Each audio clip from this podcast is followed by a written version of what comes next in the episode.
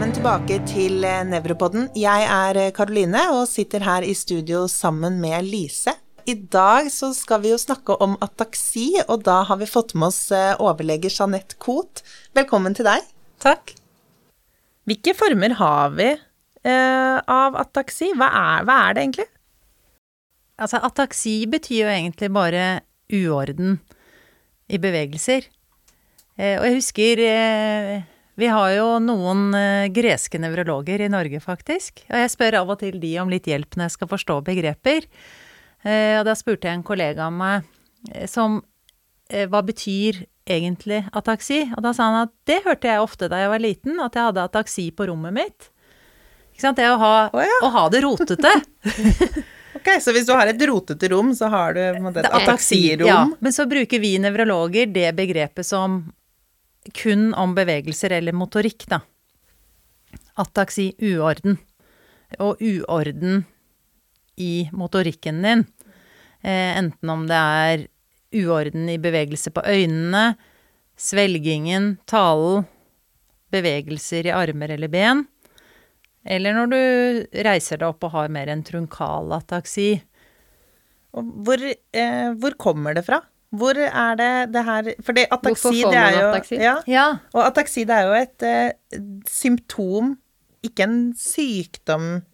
Eller hva vil du si? På en måte vil man si at begge, ataksi begge dere, for det blir eh, som mange andre ting, da, at det vi, vi, eh, vi surrer det litt til for oss selv også, tenker jeg. At Ja. vi bruker disse begrepene litt om hverandre. Eh, Så eh, helt enig i at det er en symptomgruppe, men samtidig så sier vi at vi snakker om ataksier. Eh, Og da har vi ofte en sykdomsgruppe hvor vi ofte tenker nevrodegenerative ataksier. Men eh, hvis vi bare går tilbake til det spørsmålet ditt, så ataksier skyldes jo enten at det er sykdom i lillehjernen, at det er sykdom i banene inn og ut av lillehjernen, eller at det er eh, sykdom i baner som fører veldig mye informasjon inn til hjernen, lillehjernen, altså bakstrengene, som har med leddsans og vibrasjonssans å gjøre, og særlig leddsansen. Og da snakker vi ofte om sensoriske ataksier. Ja, for det, det lurer jeg egentlig på. Hva er forskjellen? Du har sensorisk Ataksi. ataksi, ja. og så har du jo da Eller eh, motorisk og cerebellær ataksi. Ja, er det det ja, samme? helt- ja, det gir seg uttrykk i at bevegelsene blir rotete, oppstykket og hakkete, ikke sant? Ja, men det, Eh, ja. Så hvis du ikke får de sensoriske signalene inn til lillehjernen, for veldig mye går jo innom lillehjernen for kontroll, for å formidle hva du skal gi av beskjed ut i kroppen, sånn at når input-signalene ikke er sånn som de skal være, så får du en sensorisk ataksi. Og det er ikke alltid så lett å se forskjell på det, men du får litt inntrykk av det gjennom undersøkelsen. Men hvis vi får en pasient, da. Vi Ja. møter en pasient i mottak eller på poliklinikken med ataksi. Har du noen tips til hvordan skal vi skal nærme oss det her med god anamnese og undersøkelser, slik at vi klarer å, eller klarer å skjønne hvorfor vedkommende har fått ataksi? Ja, for det første så tror jeg vi må gjøre en god anamnese. Få et inntrykk av, eh, sånn som vi snakket om i det første podkasten, om eh, hvor fort kom disse symptomene. Sant? Hvordan type sykdomsprosess er det vi har med å gjøre? Eh, Har dette kommet over år? Har det kommet over måneder? Ja, dager, timer eller sekunder. Ikke sant? Så få, få det på plass med en gang. Og da har man jo kanskje litt inntrykk av etiologisk gruppering av sykdom. Ikke sant? Er det eh, metabolsk, inflammatorisk, degenerativt? Er det neoplasme? Er det iskjemi? Er det Nå må jeg tenke meg om, for jeg har jo dette Genetikk? akronymet mitt. Ja. Eh, Midnighta. Genetikk. Er det hemoragi? Er det toksisk traume eller annet som er årsaken til ataksien? Og, og som dere startet med, så sa dere jo det at dere ser jo rotete, hakkete eller oppstykkede bevegelser på motorikken på ganske mange pasienter, og kanskje den aller hyppigste årsaken til ataksi er MS.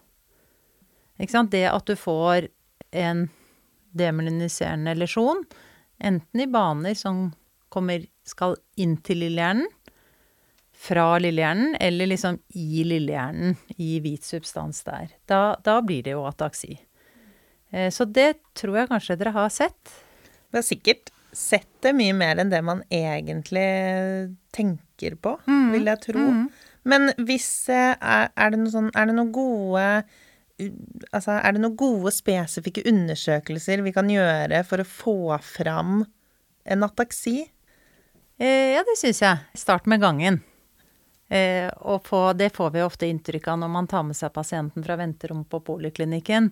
I mottak så er det litt annerledes, men, men få det opp og gå. Få det opp og stå, eh, og gjør en Rombergs prøve. Ikke sant? Stående stilling med åpne og lukkede øyne, og få inntrykk av om det er et leddsansproblem. For da er den jo positiv hvis det er med lukkede øyne. Og, og sjekk også leddsansen. Ikke sant? Om, Det er sikkert noe man Ja. eh, som Altså, man vet jo man ja. Man vet jo at man eh, skal gjøre det ofte, men det er nok noe man slurver ekstra Ja, med. så hvis Det de er ustøe Ja. eh, Og man kan jo ta leddsansen litt på anamnesen òg, i hvert fall hvis det har stått en stund, og at det blir mer ustø i mørket. Eh, eller når det er ulendt terreng, at de da får litt mer problemer. Hvordan skjønner vi at det er en sensorisk ataksi? Ja, det er ikke alltid at jeg skjønner det selv heller. Det er jo godt å høre. Eh, men, men sånn Hvis det er noe galt med leddsansen, Ja. så tenker vi ofte at det er en sensorisk ataksi. At det er noe med det sensoriske systemet, når du undersøker det, ja. at du får utfall på det. Så hvis du har en ataksi, og så har du redusert leddsans Men ofte så har jo veldig mange redusert leddsans i de i dist, altså distal, distalt. helt distalt. Ja, men du skal skal kunne kjenne at du beveger i stortåa. Og det er klart at en eh, Ja, det er jo kanskje derfor eldre blir litt mer ustø òg, da. Eh, At de kanskje får eh, litt dårligere leddsans.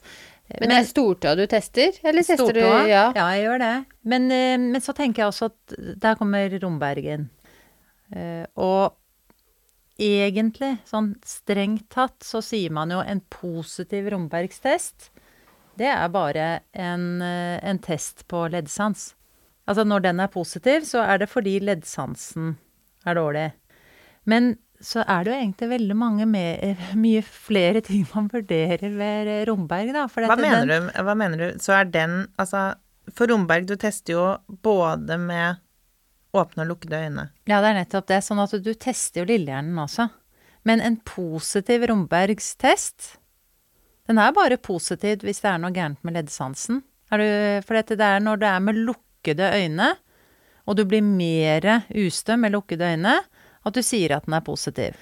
Så Det heter, det, testen heter ikke positiv Romberg med åpne øyne. Nei, men så, Så når hvis du du svam, svaier med åpne øyne, Da tenker du lillehjerne. Da tenker jeg mer i lillehjerne, eller at det er noe med kraften. Det kan Ja, være ja. egentlig ganske mye forskjellig, da. Men, men hvis du står ganske stødig med åpne øyne, og så lukker du øynene, og så svaier du veldig mye mer og blir veldig mye mer ustø, så tenker man at her er det et leddsansproblem.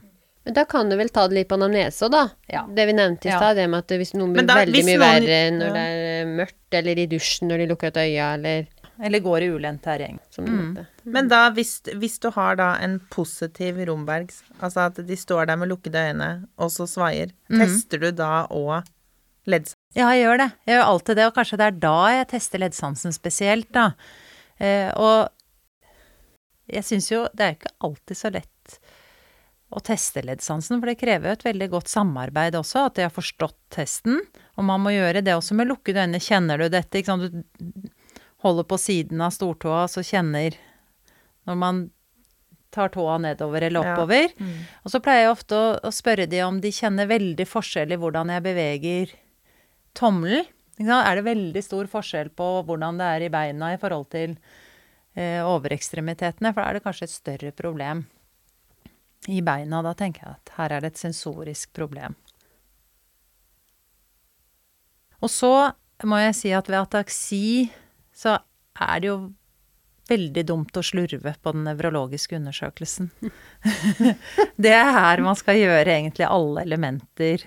Og det er det som jeg syns er litt gøy med, og spennende med ataksier, det er at, eh, at man blir en god kliniker. Man må gjøre en god og grundig nevrologisk undersøkelse og ta med seg hjernenerver òg, og undersøke øyemotiliteten. Ja, for i hvilke eh, du, du nevnte det litt her i starten, men Mm. hvilke områder er det du får hvor, hvor på kroppen kan du se ataksi? Ja, det tydeligste syns jeg kan være øyemotiliteten, ved at du får oppstykket og hakkete, langsomme følgebevegelser. Får ofte langsommere sakader, altså når du skal gjøre raske eh, bevegelser av øynene. Og så får man litt sånn skanderende tale, ikke sant? Annerledes tale, eller dysartrisk tale, med at man høres litt sånn full og snøvlete ut. Det klarer jeg ikke å etterligne, det er kanskje dere prøver på. Så kanskje man til og med får litt problemer med å svelge, men det er ikke det vanligste i starten. Men talen kan man ofte høre det på. Eh, Gjør Gjør du noen tilleggsundersøkelser på øyemotilitet? Ja, jeg tror kanskje tilleggsundersøkelse når du tenker på det, er å ikke glemme å undersøke sakadene. Ja. Eh, Ja, det sånn å- raske bevegelser. Ja, Altså, men da må man ikke ha et objekt man følger. Sakadene er jo egentlig det vi bruker aller mest når vi skal bevege øynene. Man bare tenker ikke noe på det. Eh, Men når man skanner et rom, når man kommer inn Så at du ser fort, fort fra, side til side, f.eks. Ja. knipse da, på høyre og venstre side og be de om å se mot der man knipser, f.eks. Og teste både horisontalt og vertikalt? Ja. Og så Så da holder det egentlig ikke med liksom den vanlige på en måte H-test, følgebevegelsen? nei det, det er ikke langsomme følgebevegelser, følgebevegelser, og det en del eh, slurver litt med, da, det er at de gjør H-testen litt for fort. Eh, så da får man en blanding av langsomme følgebevegelser og sakader, og så får man kanskje ikke helt det man det er ønsker å få tips, frem. da. At Ja. man egentlig burde ta med den her knipse... Ja, og også la H-en stå når du gjør det horisontalt, at du lar H, altså den horisontale linjen stå ordentlig i ytterstilling, da. Sånn du hold, for det, da ser du etter nystagmus, og det er det jo noen som har også. Eh, og så eh, pleier jeg å gjøre pekefinger-nesetipp, og det som kanskje en del ikke gjør på ataksi, bare husk på at lillehjernen er hjernens turbo. Sånn at det er først når du øker tempoet og virkelig setter den på strekk, det er da du kanskje får det frem hvis det er bare en lett ataksi. Sånn som du skal gjøre pekefinger-nesetipp-prøve fort, så sliter de. Så da er den derre Baranis neseprøve, nei, pekeprøve, den syns jeg er Hva er, hva er det, da? Baranis pekeprøve? Ja, Kan du ikke forklare hvordan man gjør det? ja, jeg kan prøve. Eh, man ber jo pasientene ta pekefingeren på nesetippen. Men hvis du da avslutter på nesetippen, og så tar du og holder frem din pekefinger Ja, Ja. at de tar ja, på deg. og så tar de på din pekefingertupp, og så tilbake på nesa si, og så tilbake på din pekefingertupp. Og så begynner du å flytte din pekefinger eh, på ulike steder, og så gjør du det raskt. Og da ser du at eh, bevegelsen blir oppstykket og opprokket. Okay. Men det kan du vel gjøre på beina også? At, du skal, at de skal treffe hælen i hånda di? Ja, det, ja, det, har jeg, det gjør jeg faktisk ikke så ofte. Nei, hvis de sliter litt med kne her, at du Ja. kan gjøre det at de holder frem hånda, så skal de prøve å treffe. Treffe den, ja. Ja, hvis, Og da det er må du jo litt litt det samme. lettere. Ja. Ja. og det pleier jeg ofte å gjøre på Jeg pleier å eh, be de da om å gjøre en hel kneprøve ved å be de om å gjøre det mange ganger. ja. Ikke sant? Ja, sånn at de gjør samme bevegelse. samme bevegelsen mange ganger, Mm. og raskere. Ja. og tester egentlig tempoet òg, da. Men Ja, på en måte gjør jeg det. Ja. Og derfor er det jo litt viktig å ha gjort eh, krafttesting, tempo og finmotorikk før man begynner på de cerebellære prøvene. Eh, så derfor sier jeg at du må ikke slurve med nevrologisk undersøkelse når du har en ataksipasient, og det tar litt tid. Ja, og ikke sant, og ikke glemme leddsansen.